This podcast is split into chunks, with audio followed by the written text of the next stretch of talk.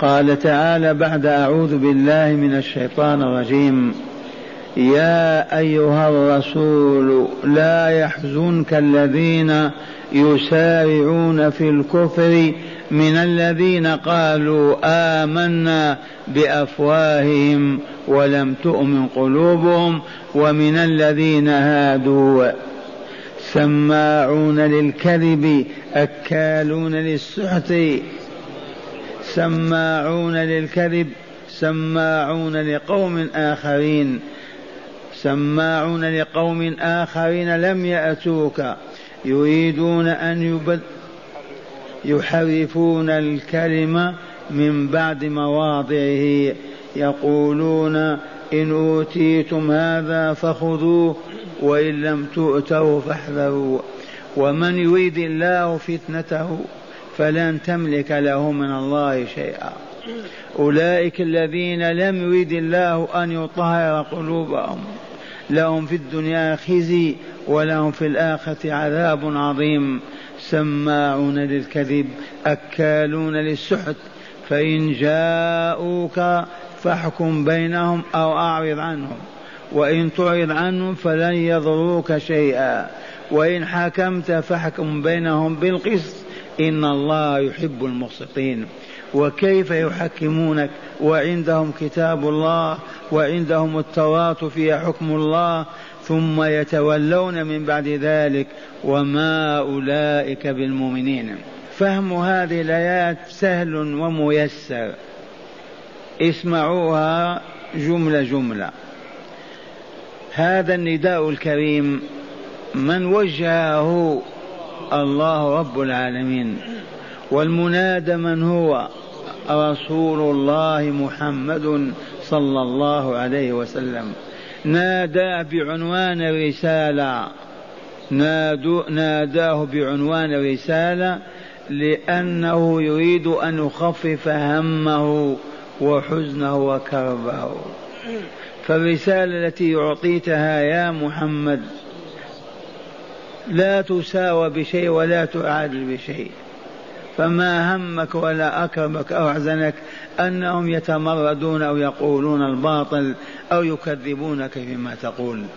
يا أيها الرسول العظيم إذا لا يحزنك ناداه لينهاه كما علمنا لا ينادينا الله تعالى إلا ليأمرنا أو ينهانا أو يبشرنا أو ينذرنا أو يعلمنا. وهذا سيدنا رسول الله وإمامنا يناديه الله عز وجل بقوله يا أيها الرسول ثم ينهاه. لا ناهي لا يحزنك الذين يسارعون في الكفر. كان يتألم من المبادرة إلى الكفر يبلغ دعوته. في جماعة يظهرون الكفر ويعلنونه. بدل أن يستجيبوا إلى الإيمان ويقبلون عليه يشردون وينفرون ويقولون. حال تحزن الرسول وإلا لا؟ لأنها رسالته ومهمته وهذه دعوته بودي أن يؤمن الناس كلهم في يوم واحد. هذه هي الرغبة الحقيقية لرسول الله صلى الله عليه وسلم ولكل مؤمن صادق الإيمان. فإذا وجد العكس تألم حزن وهكذا. فها تعالى يناديه بعنوان رسالة ليخفف عنه آلام حزنه. ويقول له يا أيها الرسول لا يحزنك الذين يسارعون في الكفر. ما قال يسارعون إلى الكفر لأنهم ما خرجوا منه هم في داخله. فرق بين يسارعون إلى الكفر ذاهبين إليه وبين يسارعون فيه ما خرجوا من الكفر. ما فيهم من آمن وكفر. ما هم ما آمنوا بعد فهم يعملون على تكفير أنفسهم وتكفير غيرهم. وهذا يؤلم رسول الله الداعي. كونك تكفر أخف من أن تدعو إلى الكفر أيضا. لا يحزنك الذين يسارعون في الكفر وبين بقوله من من بيانية من الذين قالوا آمنا بأفواههم ولم تؤمن قلوبهم ألا وهم المنافقون من أهل المدينة. من مشركي العرب. من الذين قالوا آمنا بأفواههم. ما كان ابن أبي يدخل يقول أشهد إنك لرسول في الروضة من الذين قالوا آمنا بأفواههم ولم تؤمن قلوبهم. نعم. قد يقول أنا مؤمن آمنت بالله أنا مسلم أنا من إخوانكم أنا كذا وقلبه ما آمن بالله ولا بلقائه لا برسول الله ولا بوحيه ورسالته وهذا يوجد في كل مكان وزمان وهم المنافقون الذين يظهرون الإيمان ويبطنون الكفر والجحود والتكذيب. ومن الذين هادوا أيضا منافقون ويهود والرسول بينهم كيف يعمل؟ وحده فهو في غم وهم وحزن وكرب فينزل الله هذه الآيات ليخفف عنه آلامه وفعل واستجاب رسول الله وتحمل لو نجتمع كلنا معاشر المسلمين ما نطيق أبدا ما أطاقه رسول الله صلى الله عليه وسلم. ومن الذين هادوا من الذين هادوا؟ اليهود هادوا في زعمهم أنهم تابوا ورجعوا. ما تابوا ولا رجعوا. لعنة الله عليهم. سماعون للكذب. سماعون للكذب. ذم هذا ولا لا؟ تقبيح وإنكار ولا لا؟ إذا كيف يصح لأحدنا أن يكثر من سماع الكذب؟ أو بالنسبة إلينا لا بأس. نحن مسلمون. اسمع الكذب وواصل سماعك. ليل نهار ولا تبالي. أيصح هذا؟ لا يحل لمؤمن ولا مؤمنة أن يسمع كذبا إلا من ضرورة. أما نعرف أن فلان يتحدث بالكذب ويجلس إليه واسمع منه فهذا يدخل في هذه الزمرة. سماعون للكذب. ما تقولون فيما تبثه الصحون الهوائية في بيوتنا؟ حق هذا يعني؟ آه؟ صدق. لا والله. إذا والله ما يجوز كثرة استماعه إذا خيبناهم الليلة. لن نسمع أباطيلهم وأكاذيبهم وترهاتهم وما يقولون ويقولون وإنهم ورب الكعبة لكاذبون. لأنهم كافرون. كافر يأتيك بالصدق وينشر بين يديك ليرفع مستواك لتصبح ولي الله مستحيل هذا سماعون للكذب سماعون لقوم آخرين لم يأتوك. يسمعون الكذب فيما بينهم ويقبلونه ويأتون إلى أعداء الإسلام ويسمعون منهم. ما أظهروا عداهم لكن مكنونون مسطون في بيوتهم وفي أعمالهم وهم يكرهون الرسول والإمام المسلمين فيأتونهم أيضا ليسمعوا منهم. سماعون لقوم آخرين لم يأتوك. يحرفون الكلمة من بعد مواضعه. تحريف الكلم تبديله وتغييره. ما فيه أمر بالخير يجعلون أمر بالشر. ما فيه أمر بالفضيلة يجعل أمر بالرذيلة ما فيه فضل فلان يجعله فيه قبح فلان.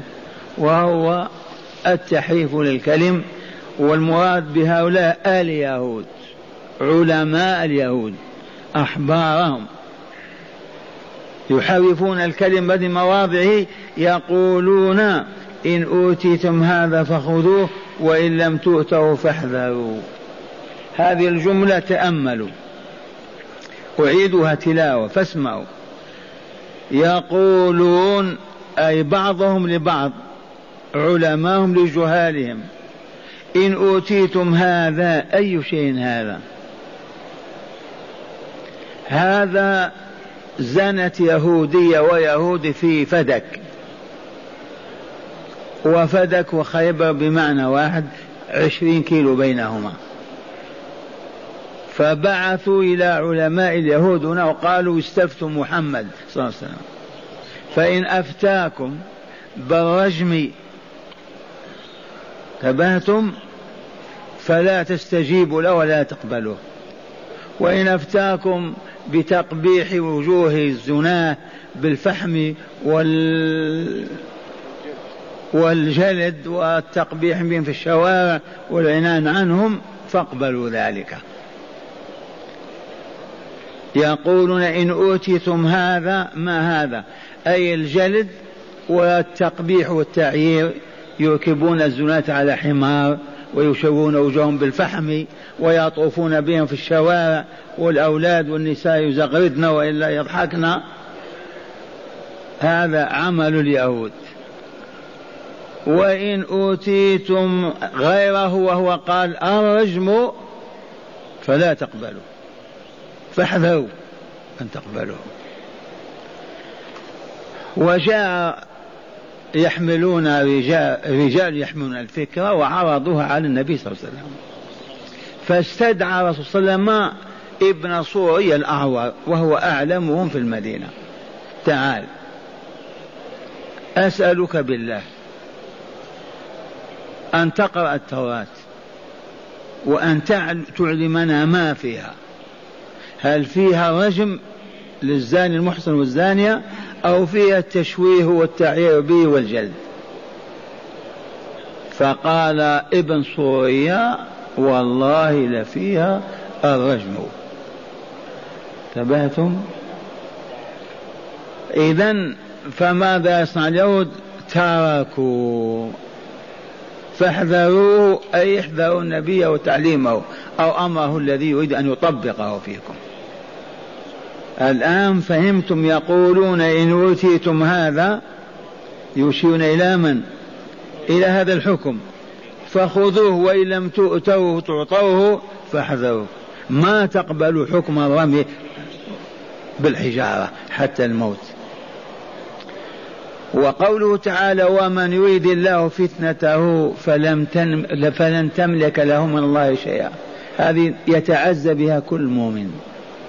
من يريد الله فتنته بالفسق والظلم والكفر والفجور والشرك فلن تملك له من الله شيئا. أنت يا رسولنا ما تقدر على شيء. لأن الله عز وجل لما كتب على هذا المخلوق في كتاب المقادير علم أنه يكفر بالحق وينكره ويكذب به ويقف إلى جنب الباطل يدعو إليه ويشجع حتى الموت.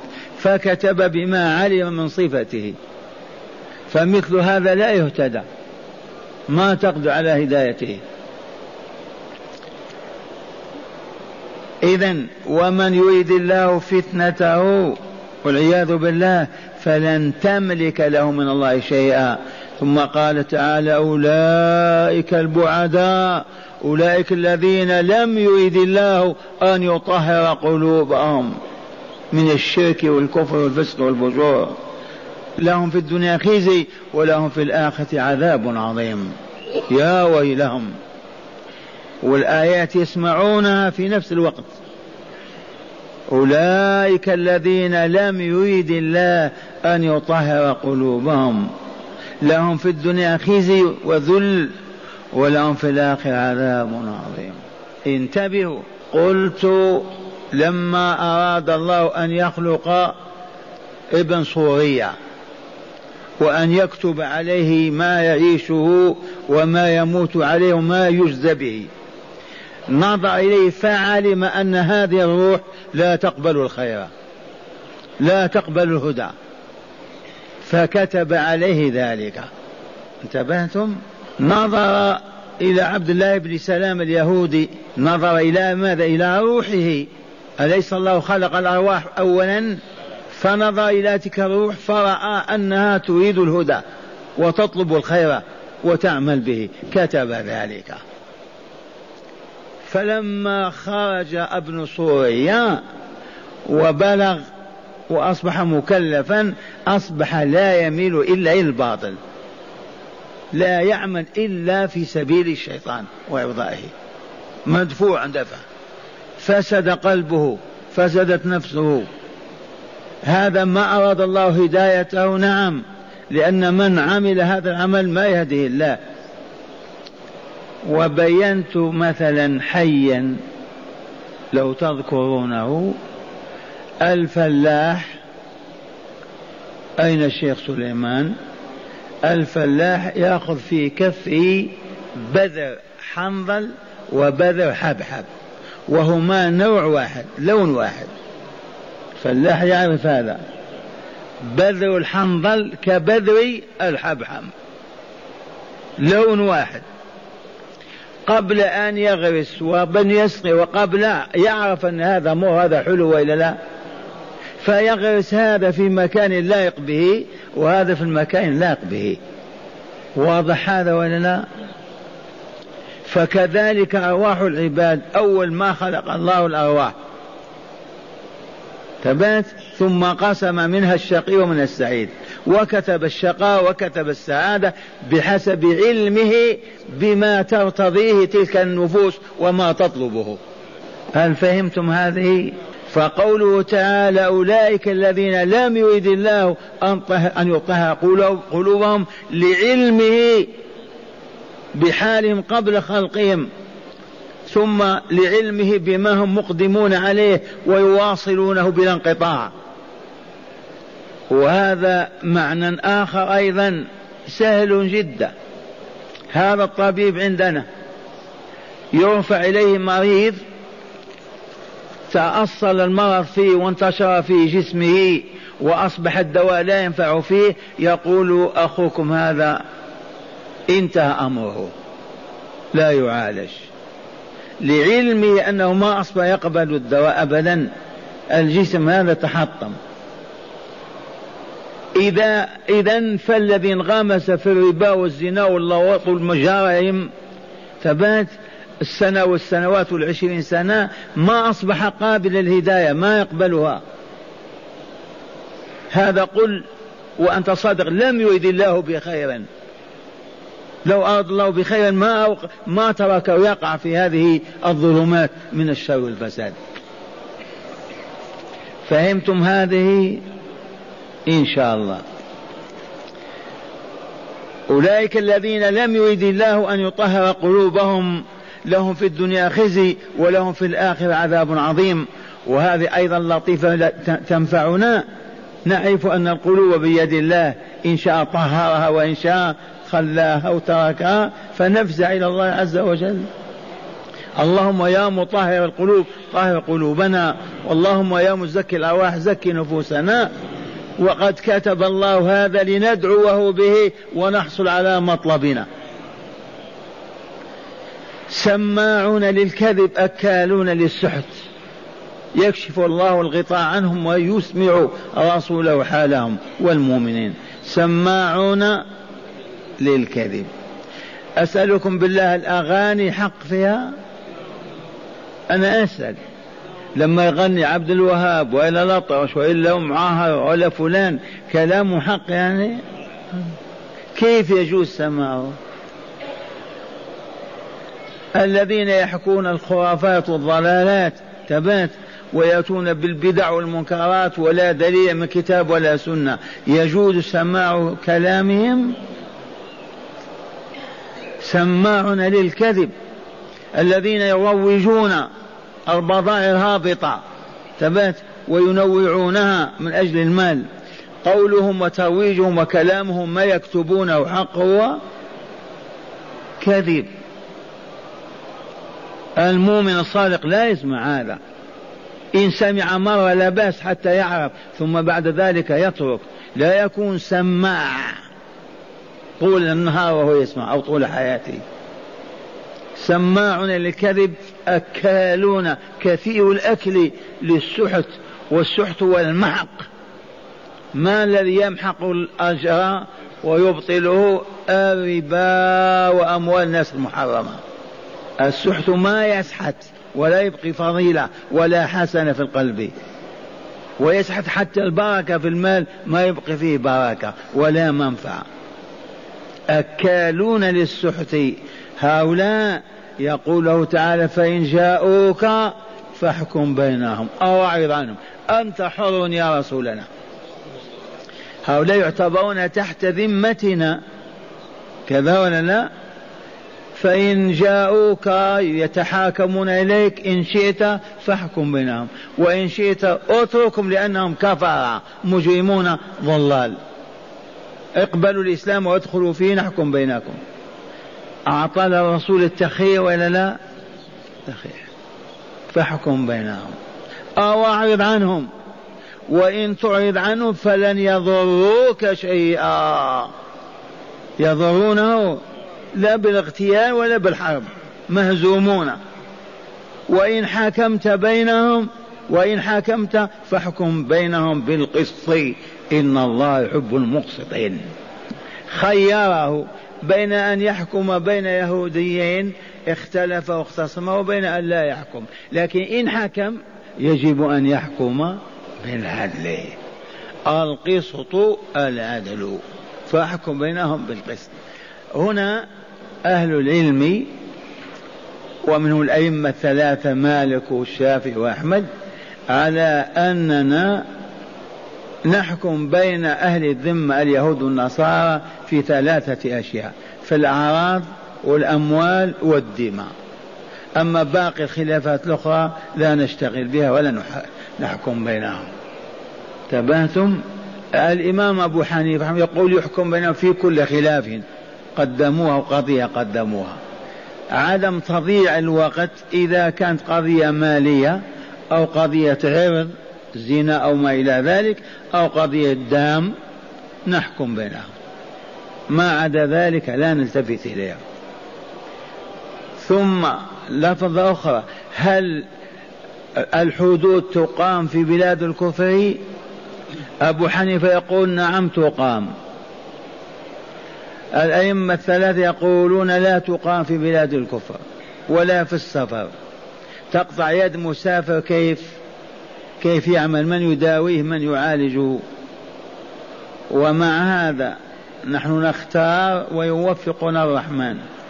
ننظر إذا كان إصدار حكم بقتل أو بقطع أو برجم في بلاد الكفر ولا يترتب عليه شر ولا بلاء تباتم بل يترتب عليه نشر للإسلام والدعوة نطبقه في بلاد الكفر. وإذا كان يترتب عليه صياح ضجيج وإعلان حرب علينا ما فيه حتى يعود إلى بلاد المسلمين ونقيم عليه الحد هناك. فهمتم هذه المراعاة؟ مع أننا مخيرون في الحكم عليهم ولا لا؟ فإن جاءوك ما أنت طالبتهم أو بعث البوليس لهم. هم جاءوك فاحكم بينهم أو أعرض عنهم. ما أنتم أهل للشريعة وللحكم. اتركهم. وإن تعرض عنهم فلن يضرك شيء. ما تخاف. قل الآن يكيدون ويمكرون ويؤلبون الناس علينا. وإن تعرض عنهم فلن يضروك شيئا وإن قل. وإن حكمت فاحكم بينهم بالقسط لما؟ لأن الله يحب المقسطين. وإن حكمت بينهم فاحكم بالعدل ولا لا. لماذا؟ لأن الله يحب العدل وأهله. إن الله يحب المقسطين. ثم قال تعالى وكيف يحكمونك؟ من باب التعجيب. كيف يحكمونك؟ وعندهم التواطؤ في حكم الله. يعرضون عن حكم الله في التوراة ويحكمونك أنت إذا يأتون للسخرية فقط. أو لمسائل لهم فيها مصالح. وإلا كيف يحكمونك؟ وعندهم التوراة في حكم الله. ثم يتولون من بعد ذلك وما أولئك بالمؤمنين. وما أولئك والله بالمؤمنين. لو آمنوا ما وقفوا هذا الموقف. إن شاء الله فهمتم بإجمال المعنى هذه الآيات الثلاث. اسمعوا نقرأ عليكم فقط. يا أيها الرسول يا أيها الرسول لا يحزنك الذين يسارعون في الكفر. من الذين قالوا آمن بأفواههم ولم تؤمن قلوبهم ومن الذين هادوا أيضا. سماعون للكذب أكالون للسحت. سماعون للكذب سماعون لقوم آخرين. الآخرون من أعداء الإسلام والمسلمين لكنهم في قصورهم أو في أماكنهم وهم يذهبون إليهم ويسمعون منهم وينشرون دعوة الباطل. سماعون لقوم آخرين لم يأتوك يحرفون الكلمة عن مواضعه.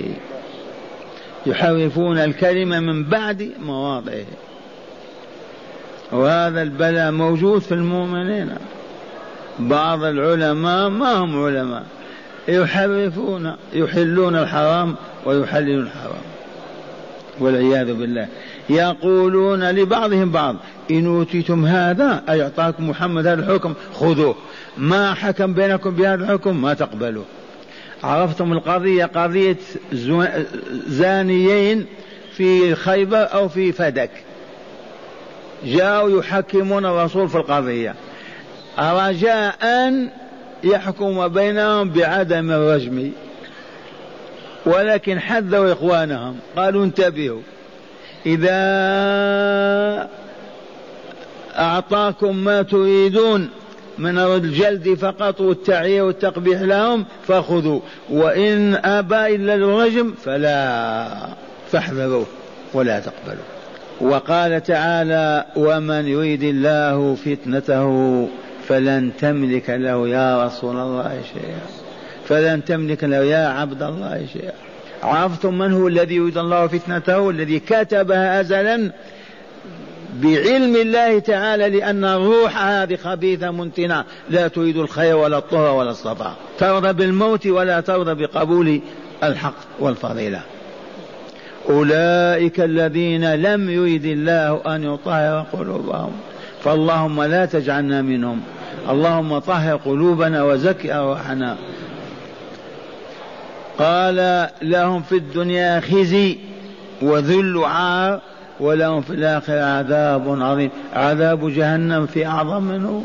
عذاب يخلدون فيه أبدا وهو صنوف وألوان عديدة. ثم قال له يكشف عن نقاب عن حالهم سماعون للكذب. حتى ننتفي نحن بهذا. والله ما نسمع للكذب. سمعناه مرة ما عرفنا لما تبين أنه كذب ما نزيد نسمعه مرة ثانية. سماعون للكذب أكالون للسحت. ما معنى أكال؟ كثير الأكل وإلا لا؟ لو أكل مرة وتاب يتوب الله عليه. لكن طول العام هو يأكل في الحرام والربا. أكالون للسحت فإن جاءوك هذا خاص بإمام المسلمين. فاحكم بينهم. ثبت أو أعرض عنهم إن حكمت من فضلك وإن عرفت لا حق لك لا حق لهم عليك. ما هم بالمؤمنين. وإن تعرض عنهم ما تخاف فلن يضروك شيئا. وإن حكمت فاحكم ما تقول كفار ويهود وأعداؤنا نحكم عليه بما فيه ضرر لهم. لا يجب أن تحكم بالعدل وإن الله يحب المقسطين. وشيء آخر وكيف يحكمونك؟ وعندهم التوراة في حكم الله ثم يتولون من بعد ذلك وما أولك بالمؤمنين. فهمتم هذه الآيات؟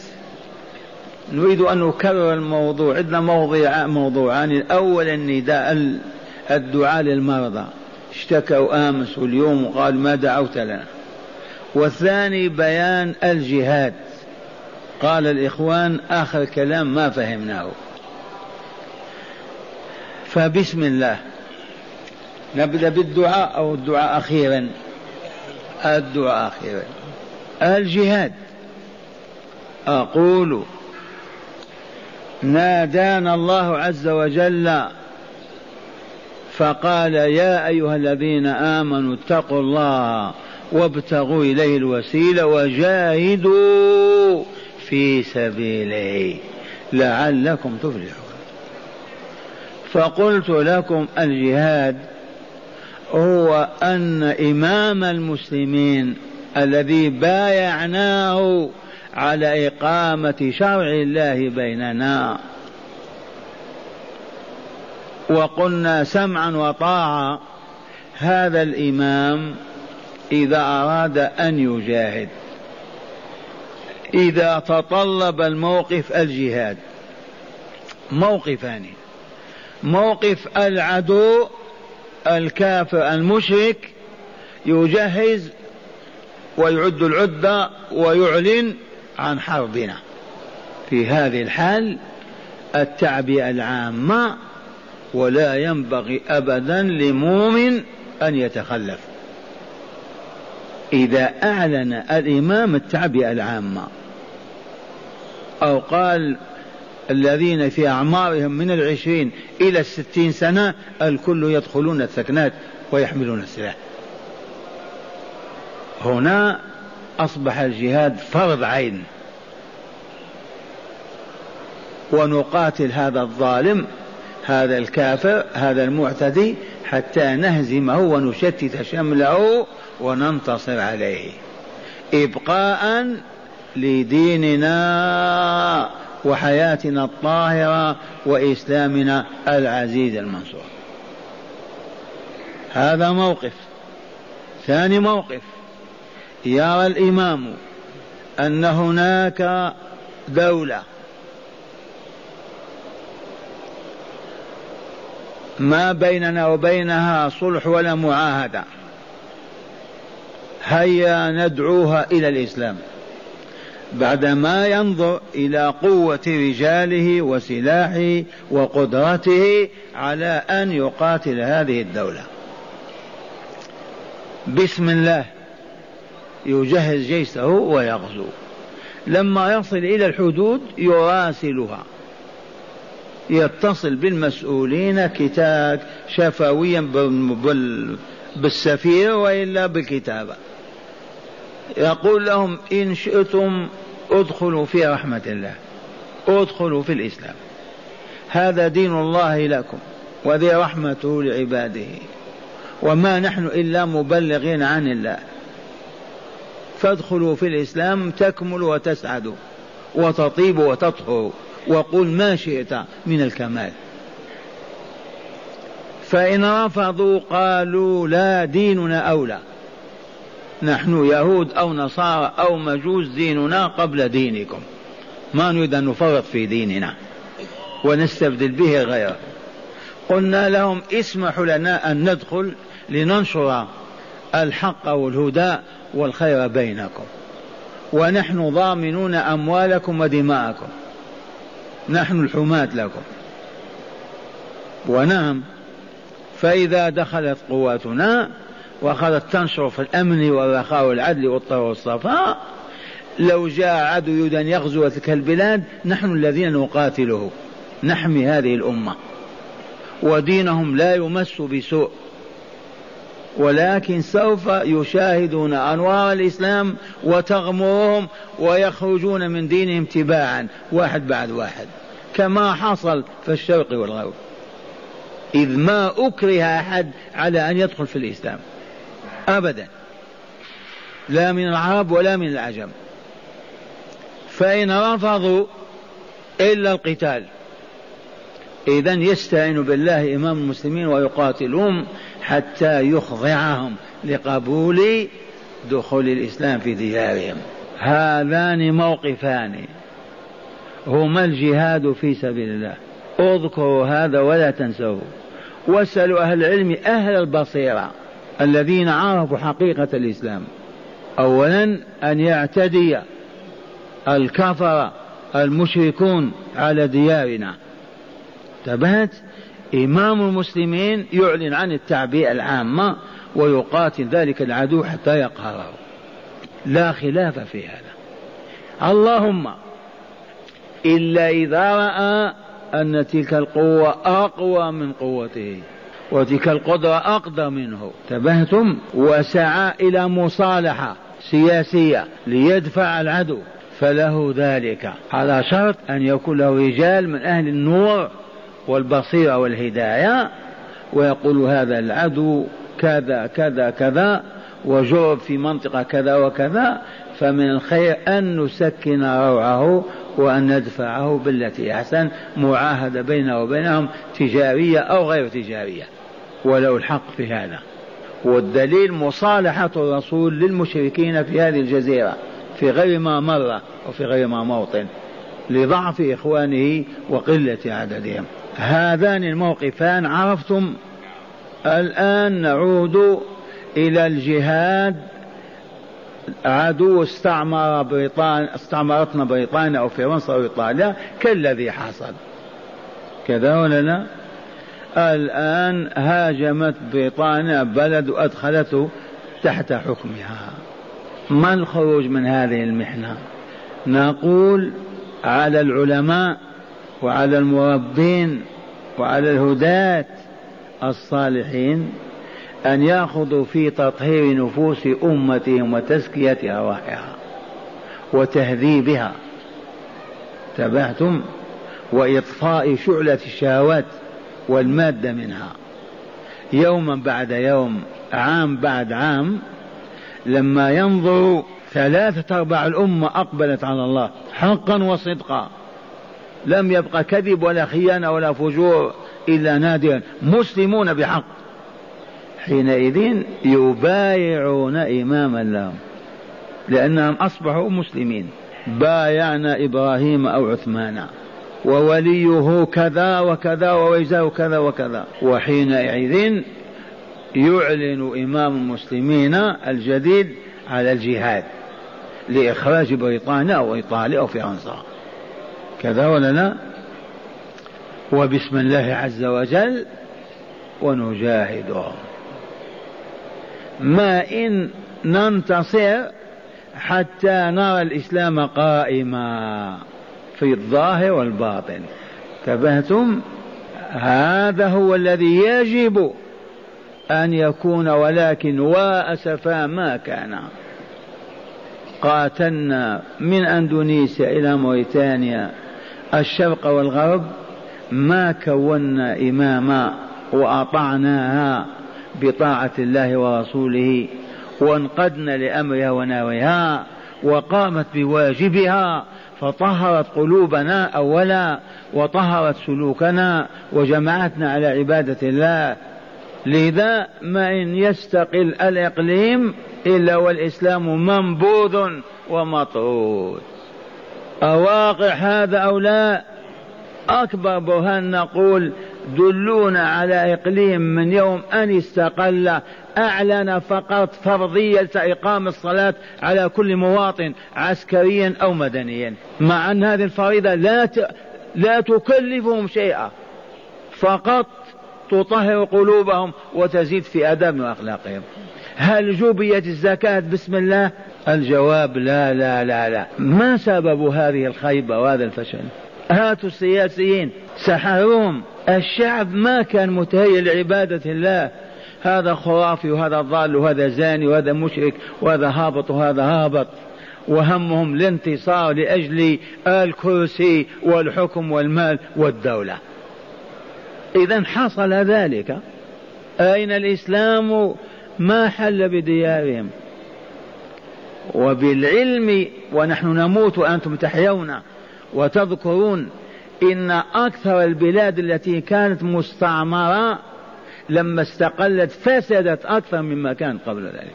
فسدت في آدابها وسلوكها وأخلاقها وعبادة الله. أنتم ما ما عاصرتم الدول لكن كبار السن يعرفون هذا. إذا هذا الجهاد إذا ما كانت بيعة لإمام وكانت الأمة مستعدة لتعبد الله عز وجل وتنشر دعوته وأقمنا بثورة ضد الحكومة فهذا هذه ثورة باطلة والقتل ليسوا بشهداء. وكل ذلك لأن كلمة في سبيل الله ما قال الجهاد قال في سبيل من؟ في سبيل الله أي بأن يعبد الله وحده. فإذا قاتلنا ولا نعبد الله ولا نطالب بعبادته هذا سبيل الله؟ سبيل الشيطان. عرفتم هذا؟ وعندنا مثل حي. إخواننا في الأفغان والله وأتكلم على علم. لما انتشرت الشيوعية بينهم انتشارها في غير البلاد منتشرة في العالم الإسلامي بكامله. إلا من رحم الله. لو كان هناك رشد هناك نوع من العلم والبصيرة كانوا يهذبون إخوانهم ويؤدبونهم ويزيلون هذه الفتنة من قلوبهم ويعبدون الله عز وجل ولا يخافون من الشيوعية. يقبلون أرجل إخوانهم يقولوا اترك هذا المبدأ أو هذا الكلام. أنت مسلم هذا بلد إسلامي. لو فعلوا بصدق لما انتشرت الشيعة في بلادهم ولم يحتاجوا إلى قتالها وقتالهم. فلما سكتوا وكانوا هابطين مثلنا فتحوا أفواههم ورغبوا في الباطل انتشرت الشيوعية من نشرها روسيا؟ لا والله هم بأنفسهم. لما أعلنا الحرب على الشيوعية. المجاهدون منا والمقاتلون الأعداء منا. وأمدتهم روسيا طلبوا المدد على مذهبها مدتهم لا حرج في هذا أبدا. ومع هذا انهزمت الشيوعية ولا لا لما انهزمت لما ما رفعت راية لا إله إلا الله محمد رسول الله وساد الطهر والأمن والصفاء وتحرك المجاهدون قلنا والله لن ننتهي إلى فلسطين. كنا نحلم بهذا إلى فلسطين. لكن الذي وقع هو الخلف والفرقة والدماء والدموع والبكاء والصياح والهول إلى اليوم. ما سبب ذلك؟ أعطونا السياسة. لأنهم ما بايعوا إماما ليعبدوا الله تحت رايته. وذهبت بنفسي نائبا وهذا الدكتور أبو عظمة معي. أنابنا سماحة الشيخ عبد العزيز بن باز وزورنا مخيمات القادة والأحزاب وبكينا وبينا لهم. فرفضوا هل تكون العاقبة حميدة؟ والله لن تكون لقد كانت سيئة. ما في ما يكذبني. هذا هو الواقع. عرفتم هذه؟ إذا في أي بلد آخر يحكمه الكفار.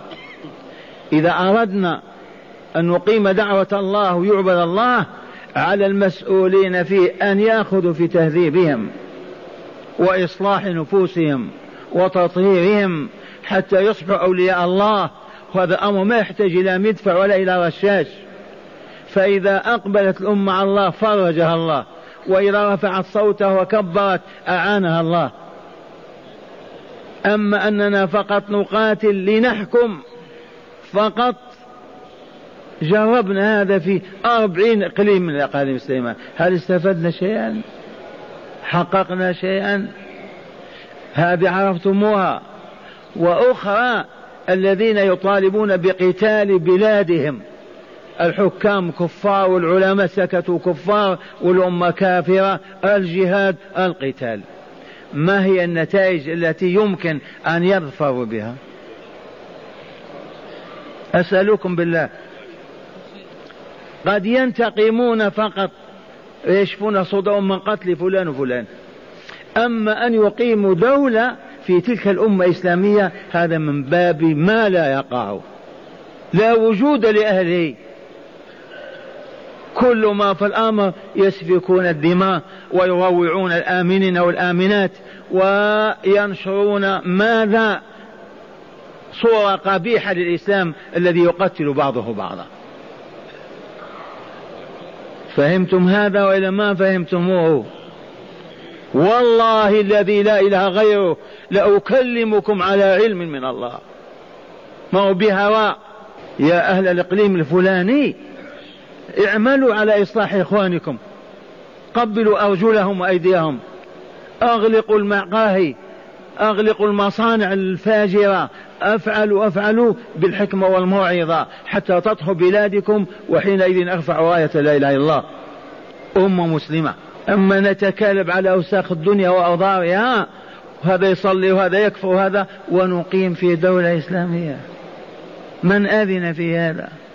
وأخيرا البوسنة والهرسك. اشتكى الناس وقالوا الشيخ يقول كذا وكذا وكذا. الذي قلته هل هو جهاد؟ أقول لو بايعوا إمامهم. بيعة إسلامية. واستجابوا لأمر الله وأقاموا الصلاة واستتر نساؤهم ومنعت الخمور وقالوا ربنا الله ولا إله إلا الله. هذا جهاد يريدون أن يعبد الله وحده. أما فقط أن نقاتل الدولة الكافرة كيف تحكمنا؟ وكيف تسودنا؟ تباتم هذا ما هو بالجهاد. هذا دفع ظلم إن شئتم قولوا. ومن هنا قلت يا عبد الله إذا كانت أمك أو أبوك راضيين بخروجك والتحاقك بالبوسنة والهرسك هذا أول شرط. لا تخرج إلا برضا أبويك. إذا الرسول قال ففيهما فجاهد. ثانيا أن تكون قادرا على أن تقاتل. قوة بدنية قوة عقلية تدريب عسكري لك قدرة. ثالثا أن يسمح لك الحاكم الذي أنت في دولته ويأذن لك بالخروج. بهذه الشروط الثلاثة لك أن تذهب لتقاتل مع إخوانك. لتدفع عنهم الظلم الذي حل بهم. فهمتم هذه الثلاث شروط؟ أولا أن تكون قادرا لأننا عرفنا جماعة ذهبوا إلى أفغانستان وذهبوا لكل جهة وما فعلوا شيئا ووردوا البلايا والمحن والفهوم الهابطة. تبهتم ولا لا؟ بل كانوا فقط يأكلون طعام المجاهدين هناك أو المقاتلين. عندك قدرة بدنية عقلية تستطيع أن تقاتل؟ هذا أولا. ثانيا أذن لك أبواك وإلا لا؟ ثالثا أذن لك الماء الحاكم وإلا لا؟ هذه ثلاث شروط. أما المال فالمعاونة بالمال مسموح بها. للفقراء للجرحى للمرضى وكل ذلك فيه خير كثير. أما كلمة جهاد ما ينفع ولن يتم جهاد حتى تعلن كلمة لا إله إلا الله ويعبد الله. فهمتم هذا الآن؟ لا نسمع القول كذا وكذا وكذا.